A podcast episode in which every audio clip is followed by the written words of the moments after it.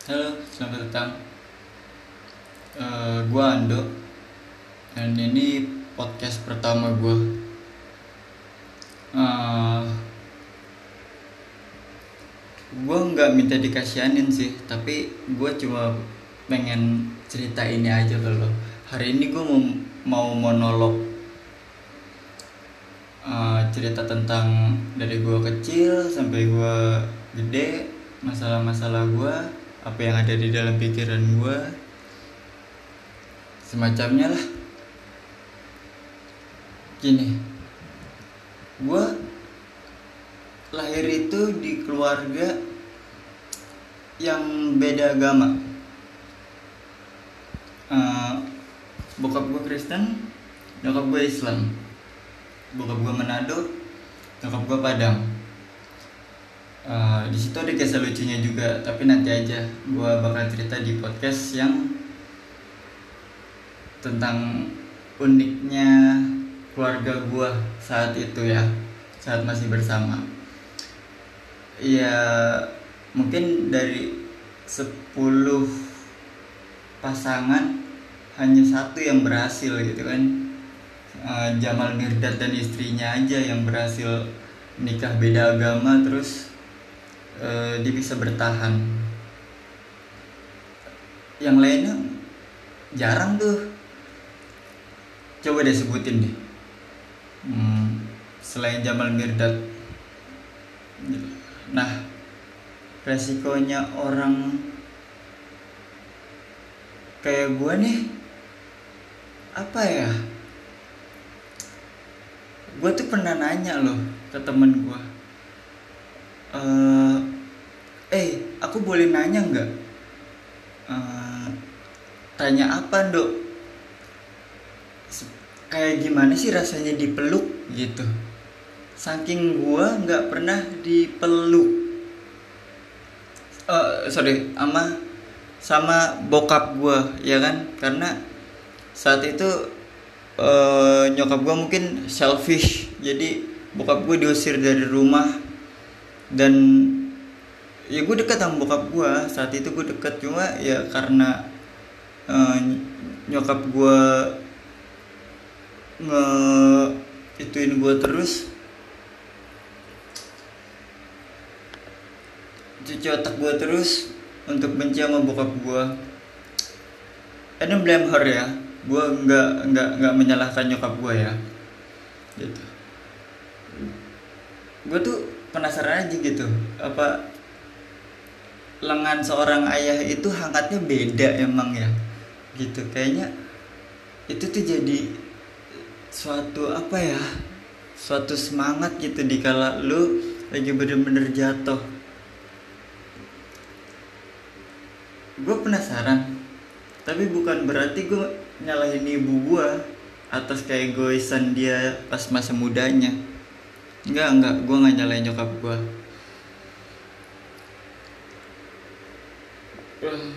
bertahun-tahun lalu tuh gue nganggep nyokap gue tuh peringkat dua setelah Tuhan. Sumpah. Malaikat gue terus tapi gimana ya? Sampai akhirnya gue nggak tahu ya mungkin karena gue terlalu bandel atau terlalu apa ya. Nyokap gue capek mungkin sama gue ya. Terus ya sudah gue ditinggalin gitu aja. Di ya ya ditinggalin. Kalau lu ngerti bahasa harfiah di KBBI ditinggalin harfiah kan jadinya. Harfiah di KBBI ditinggalkan iya gue ditinggalkan yang sebenarnya. Nyokap gue ngeblok WA gue nyokap gue nggak mau nge WA gue lagi. Eh, gue nggak tahu tuh. Ya mungkin gue sangat-sangat bandel gitu. Dan gue juga selfish gitu. Eh, gue egois gitu. Sampai-sampai gue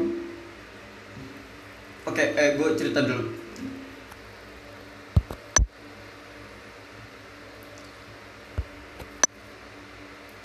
Jadi gini gue kerja. Eh di sebagai guru bimbel uh, guru bahasa Inggris di salah satu bimbel di daerah Bekasi. Gue nggak mau nyebut namanya ya. Uh, gajinya lumayan gaji lumayan. Apalagi, apalagi uh, gue uh, alhamdulillah kredibel uh, gue lagi di atas jadi banyak banget yang mau private sama gue untuk datang ke rumah bukan bukan di tempat bimbel gitu.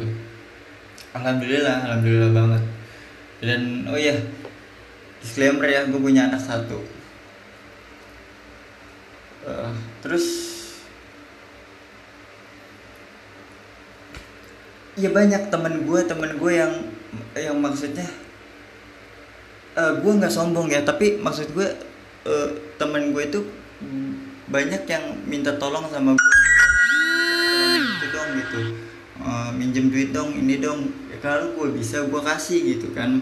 Sampai ada satu temen yang bilang gini lu enak ya nggak kurang apa-apa gitu. Kerjaan lu tulen. Kerjaan kerjaan lu tulen. Terus ya lu bisa dapetin apa yang lo mau gitu kan terus banget. Dia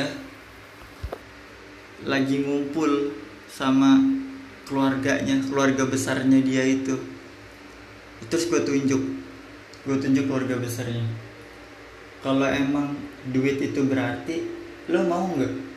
Momen keluarga lo gue bayarin. Gue butuh banget momen keluarga yang lagi bareng-bareng kayak gini. Terus lu lu butuh berapa gue bayarin gitu. Gue bilang kayak gitu sumpah. Terus gue tahu itu itu harganya mahal banget makanya gue tanya dia dia mau mau, mau berapa pasti gue kasih saat itu juga gitu. Akhirnya dia diem. Dia diem dan dia tahu dia tahu gue eh, gue rasa uang di kantong gue juga nggak bakal cukup sih buat bayarin itu. Terus ditambah harta-harta gue yang lain juga gak bakal cukup juga sih. Sumpah. Pokoknya intinya tuh dari podcast ini gue tuh cuma pengen lengan yang nenangin gue di saat masalah datang gitu. Bukan bukan sorry mama. Kenapa mama mesti pergi? gitu. Kenapa mama kenapa mama nggak bisa semangatin Ando gitu? Dan lagi juga Ando bukan minta tolong mah. Ando minta disupport. Ando bukan minta tolong apa-apa. Gitu. Ando cuma minta disupport mama ada di samping Ando. Itu juga udah cukup mah. Eh, kayaknya gue sadar deh. Mungkin sanak saudara gue tuh akhirnya found their happiness ketika gue dimakamkan kayaknya sih ya dia dia nemuin kebahagiaannya in my funeral. Ya itu mereka bersyukur gitu sama Tuhan di depan gue yang lagi di peti mati atau dibungkus kain kafan. Gue nggak tahu ntar gue dikubur kayak gimana gitu kan ya secara orang-orang di sekitar gue selfish semua gitu kan. Kan katanya kalau misalkan orang meninggal itu kita masih bisa ngelihat ya gitu ya um, selama beberapa hari gitu. Terus gue mesti ngelihat keluarga gue gitu kakak-kakak gue yang lain pura-pura nangis pretending gitu. Uh, pretending dia kayak kayak kayak kehilangan gue padahal gue hidup aja kayak nggak ada. Kayaknya gue pengen bisikin gitu. Udah gak usah buang energi gak usah buang buang energi untuk pura-pura. Gue tahu tujuh langkah setelah lu semua pergi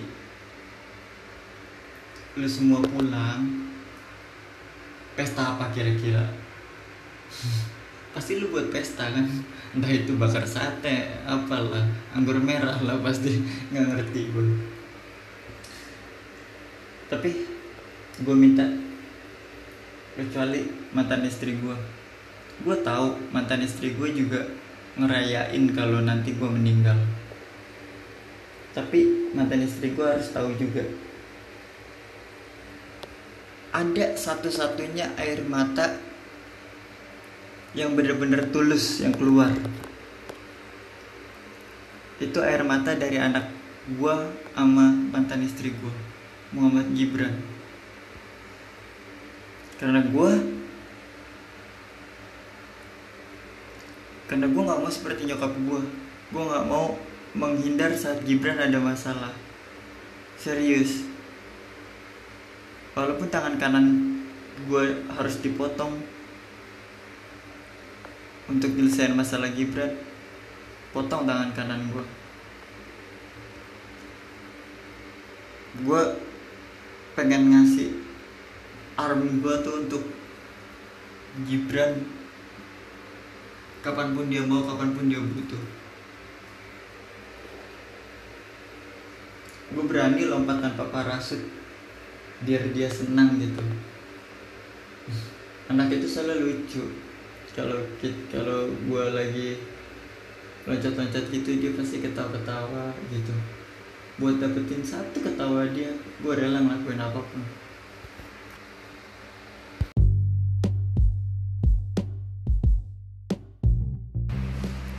Oke, okay, assalamualaikum warahmatullahi wabarakatuh. Balik lagi di podcast ke dua gue kali ini gue nggak mau sedih-sedihan lagi ya.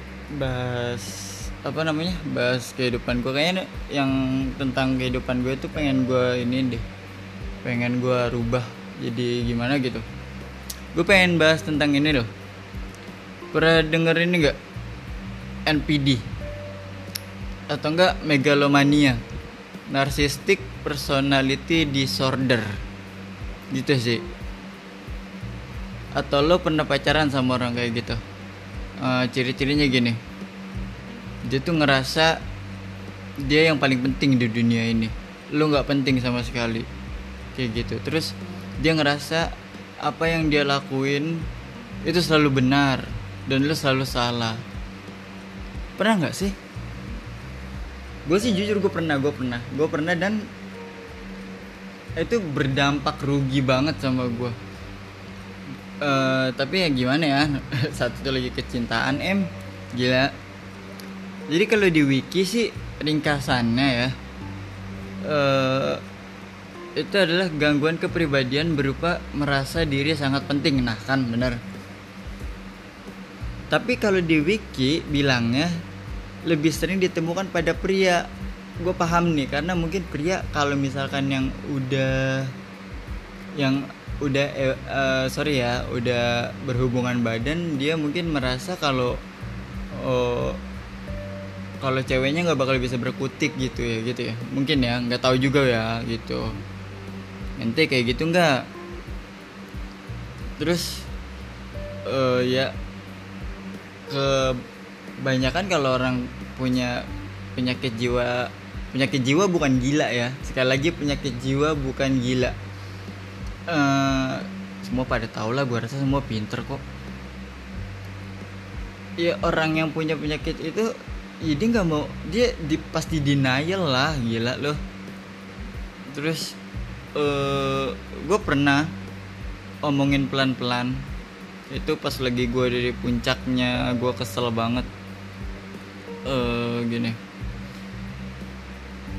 Dia tuh punya delusi yang besar. Delusi tau gak delusi? Dia tuh dia tuh gini. Dia ngarang cerita yang sebenarnya nggak ada tapi diadain gitu loh. Tapi sebenarnya cerita itu nggak ada. Lu paham gak sih? Paham gak sih? Gitu. Misalkan uh, uh, di dalam pikiran dia hari Kamis Ando beli uh, ubin gitu. Padahal nggak gue nggak beli ubin gitu. Tapi dia kekeh ngomong sama semua orang. Dan dia bilang e, gue lihat sendiri kok anda beli ubin gitu uh, gitu deh pokoknya aneh banget gak sih? Terus dia tuh haus pujian.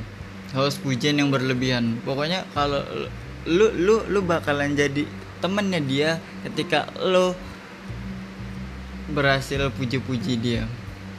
Terus dia bakalan ngabain perasaan orang lain gitu. Sama lo kritik sekali tuh megalomania asli aduh. Ribet besar kau. Terus dia merasa dia dia punya hak punya hak lebih untuk berbicara dan lu lu nggak pantas untuk berbicara gitu. Hmm. enak banget ya. Ada nggak? Ada nggak? Kira-kira nih di sini ada berapa orang yang kejebak sama pacar yang kayak gini gitu? Ayo. Um, mereka tuh kayaknya ini ya kayak mm, nggak mm, punya empati gitu yang gak tahu juga sih gue nggak paham juga uh, ya jadi gini gue langsung ceritain aja kali ya. Uh, tadi kan megalomania kan lo kan semuanya udah pada ngerti. Dampaknya ya dampaknya tuh buat gue merugikan banget. Gue sebelum gue ngajar di salah satu tempat bimbel di Bekasi gue itu adalah karyawan retail retail uh, fashion di Wrangler. Di Wrangler. Dan gue sangat menyukai Nike. Gue sangat menyukai Nike Nike Cortez.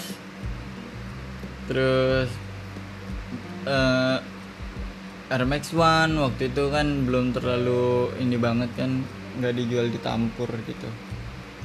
Nah terus dan gue tuh orangnya gini uh, eh, gue taruh di lemari di lemari terus maksudnya ya udah kalau mau pakai pakai aja karena gue percaya karena dia adalah pacar gue gitu dong. Ya udah pakai pakai aja gitu. Tapi saat itu dia nggak bilang saat itu dia nggak bilang gitu kan. Uh, terus gue tanya uh, waktu itu yang di yang dipin yang dipakai sama dia bukan yang yang tadi gue sebut. Yang dipakai sama dia adalah Nike SB oke. Okay. gue tanya dong uh, ya nggak mau ngeliat Nike SB aku nggak? Nggak nggak ngeliat gitu kan. Oh oke. Okay. masa dicolong sih? Uh, gue taruh di lemari gitu. Emang sih lemarinya rentak tapi itu kan di dalam dong. Mana bisa dong gitu. Terus kecuali kalau pakai ilmu gaib gitu ya. Terus suatu saat gue ke rumah dia dong. Gue ke rumah dia gue ketemu adiknya. Adiknya. Ini disclaimer mungkin orang-orang Bekasi yang tahu gue yang tahu Ski of Jakarta tahu orang ini siapa. Tahu cewek yang gue lagi ceritain ini siapa. Mungkin tahu. Nah terus adiknya lagi pakai sepatu SB gue nah eh gimana ya? SB gue itu gue uh, just tip just tip di Singapura uh, yang apa namanya yang listnya pink sama kotak-kotak gitu. Terus ini punya aku kan yang? Uh, eh, gue bilang kayak gitu. Dia sempat mengelak dulu. Enggak sih gitu kan. Ya, dia apa si si tut mah mana pernah beli barang asli. Sedangkan gue tahu mana Nike asli mana Nike palsu gitu kan karena gue gila banget sama Nike. Coba dong lihat solnya ini asli yang gitu kan gue bilang kayak gitu. Dan untungnya gue selalu pintar. Di balik sol itu gue tulis AA Andi Apriliando. Yang kenapa sih nggak mesti jujur? Gitu kan. Terus oh iya aku lupa. Waktu itu aku pakai gitu. Ah dia jadi nyalain adiknya gitu uh, gue nggak ngerti deh. Dia tuh gimana otaknya gitu kan ya? Ya kalau siapanya nggak usah diinin deh. Terus selain dia mencuri tadi tuh dia juga gini. Hmm, dia itu kan kerjanya LC ya. Terus dia pakai sepatu gue yang Air Max uh, yang Air Max One terus abis itu pulangnya dia pakai high heels. Pulangnya dia pakai high heels. Lo kenapa nih kok pulangnya pakai high heels? Sepatuku mana? Gitu kan. Terus gue selalu ingat sama sepatu gue sepatuku mana? Se ada di tempat temen aku. Oh ambilin ya. Aku nggak suka sepatu aku dipakai uh, gue kan kurang suka nih kalau sepatu gue asal-asalan pakai gitu ya. Ya kan mak maksudnya nyuci bau sepatu itu males banget gitu ya. Terus uh, akhirnya gue ketemu sama orang yang dia bilang dipinjam apa dititipin gitu kan. Akhirnya gue minta dong uh, eh RMX RMXnya mau gue pakai nih gitu kan pakai pakai gimana? Lo mau minjem dulu. Lo kok minjem? Ini kan punya gua. Ih lu nggak dikasih tahu sama Nabila astagfirullah. Enggak enggak enggak enggak ada yang denger ya? Ya lu lu nggak dikasih tahu sama si tut gitu. Nggak dikasih tahu apa? Lu nggak dikasih tahu kalau Air Max lo ini tuker tambah sama high heels yang dia pakai Air Max saat itu untuk gua yang kerja di retail itu waduh udah parah banget ya sumpah. Terus itu udah gue udah mulai sadar tapi namanya kecintaan gimana ya? Selalu gue maafin selalu gue maafin gitu. Sampai akhirnya ada satu yang bener-bener gue nggak bisa maafin. Ini udah di ujung banget nih setelah gue empat tahun dibodoh-bodohi sama dia jadi gue itu adalah um, kalau lo bisa bilang display assistant gue adalah display assistant gue uh, kerjanya mix and match. Jadi kalau ada orang bingung mau pakai baju apa terus campur baju apa itu kerjaan gue terus gue yang masang uh, manekin gitu. Nah jadi gue lumayan deket sama atasan-atasan gue di toko. Dan uh, gue lumayan sering chatting gitu kan. Saat itu dia nggak punya HP gue nggak tahu HP dia ke mana ya kan? Terus uh, gue pinjemin HP gue satu. Gue pinjemin HP gue satu kan. Tapi uh, uh, apa dulu tuh belum WhatsApp kayaknya. Dia dulu tuh BBM tapi BBM-nya tolong jangan diganti ya namanya gitu kan iya nggak diganti emang. Dia minjem eh, sorry dia minjem duit sama atasan gua.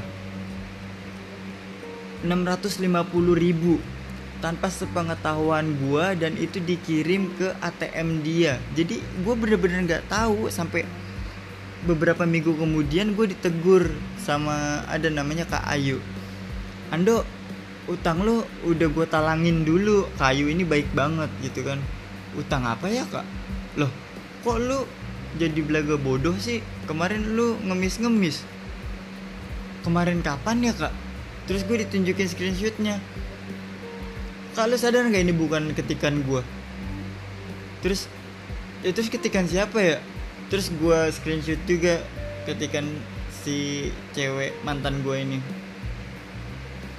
ya udah terbukti lah. Tapi ya gue nggak mau ada apa-apa kan. Akhirnya tetap aja gue ganti gue ganti. Walaupun duit itu nggak gue pakai gue sama sekali nggak nikmatin. Sepuluh ribu pun gue nggak nikmatin. Buat beli rokok surya pun gue nggak nikmatin. Itu gue udah mulai kecewa.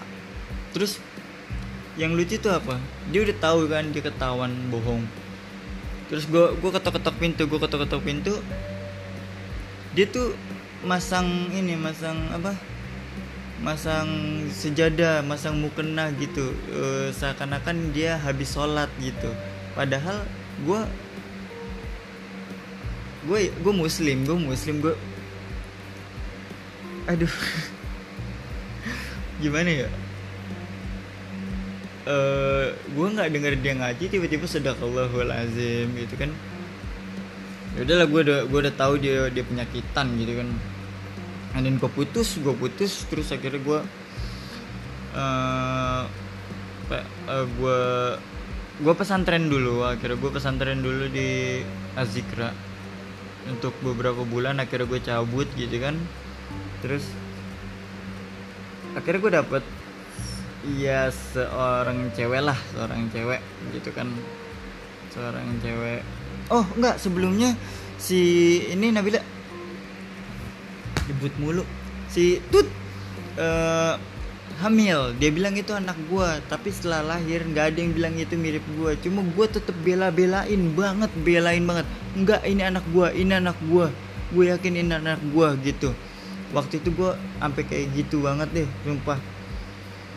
Nah terus gue tuh saking saking sayangnya sama anak yang ternyata bapaknya gue nggak tahu gitu ya. Karena menurut gue sayang itu terbentuk karena waktu bukan karena darah daging gitu. Karena gue kebanyakan bercanda sama anak ini gitu. Dan ya gitu deh akhirnya gue gua kasih dong gue kasih uh, kebutuhan kebutuhannya kebutuhan kebutuhannya itu kayak pampers gitu. Dan alhamdulillah uh, cewek baru gue juga ngasih susu ngasih cemilan ini itu gitu kan.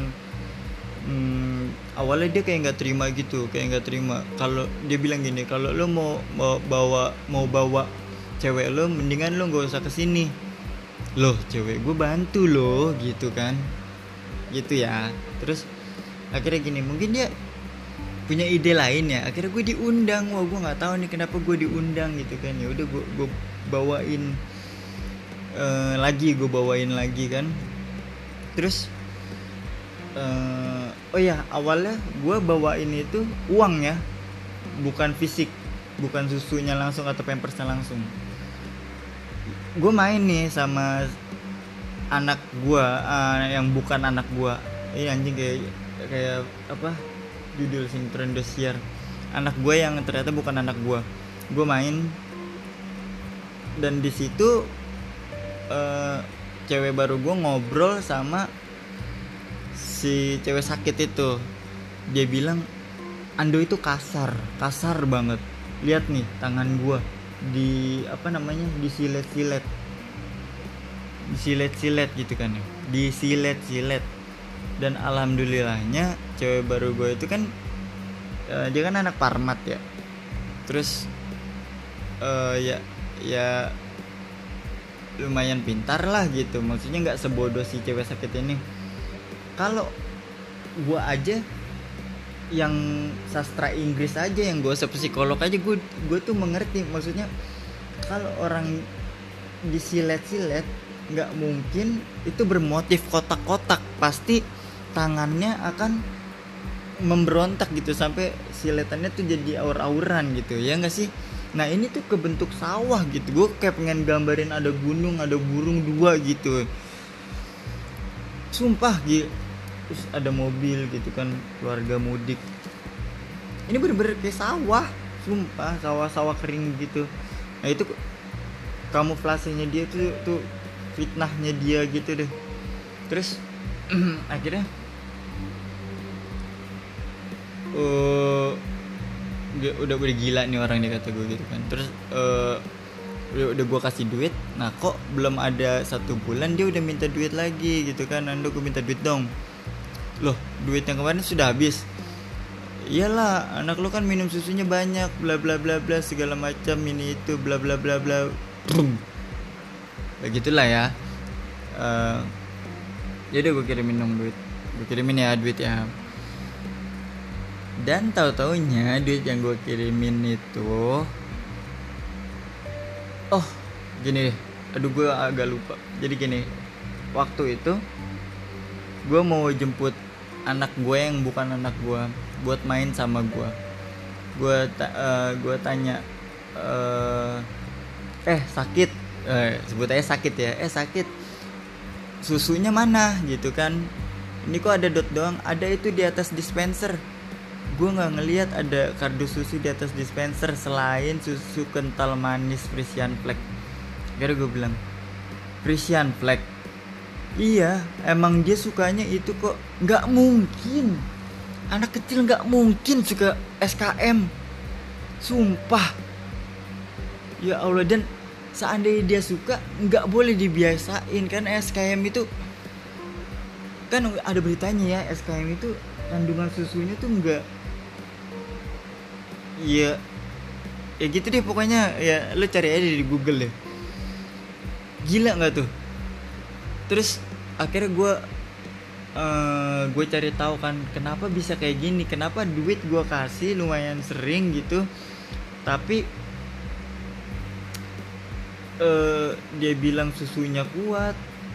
Kalau susu SKM mah gue rasa bisa kali kebeli tanpa minta uang sama gue lagi. Ternyata dia beli wig coy. Dia beli wig dia beli wig untuk mempercantik dirinya. Wig tahu wig kan? Wig yang dipasang di pala gitu. Wig wig wig wig terus.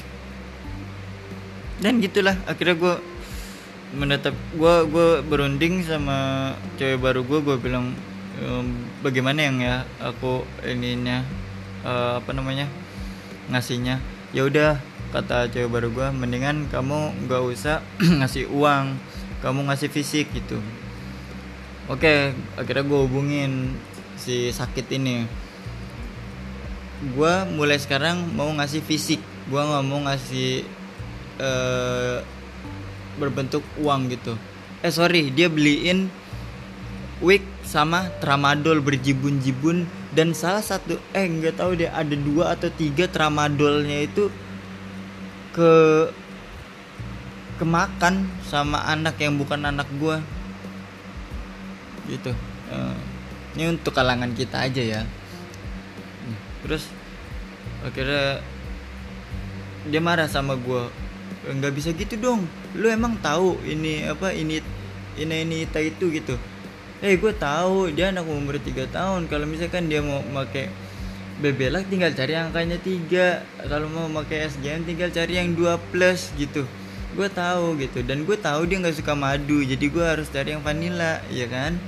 Terus hmm, pampers. Pampers gue tahu kok dia uh, bisa pakai L gitu. Uh, tapi fit gitu kan.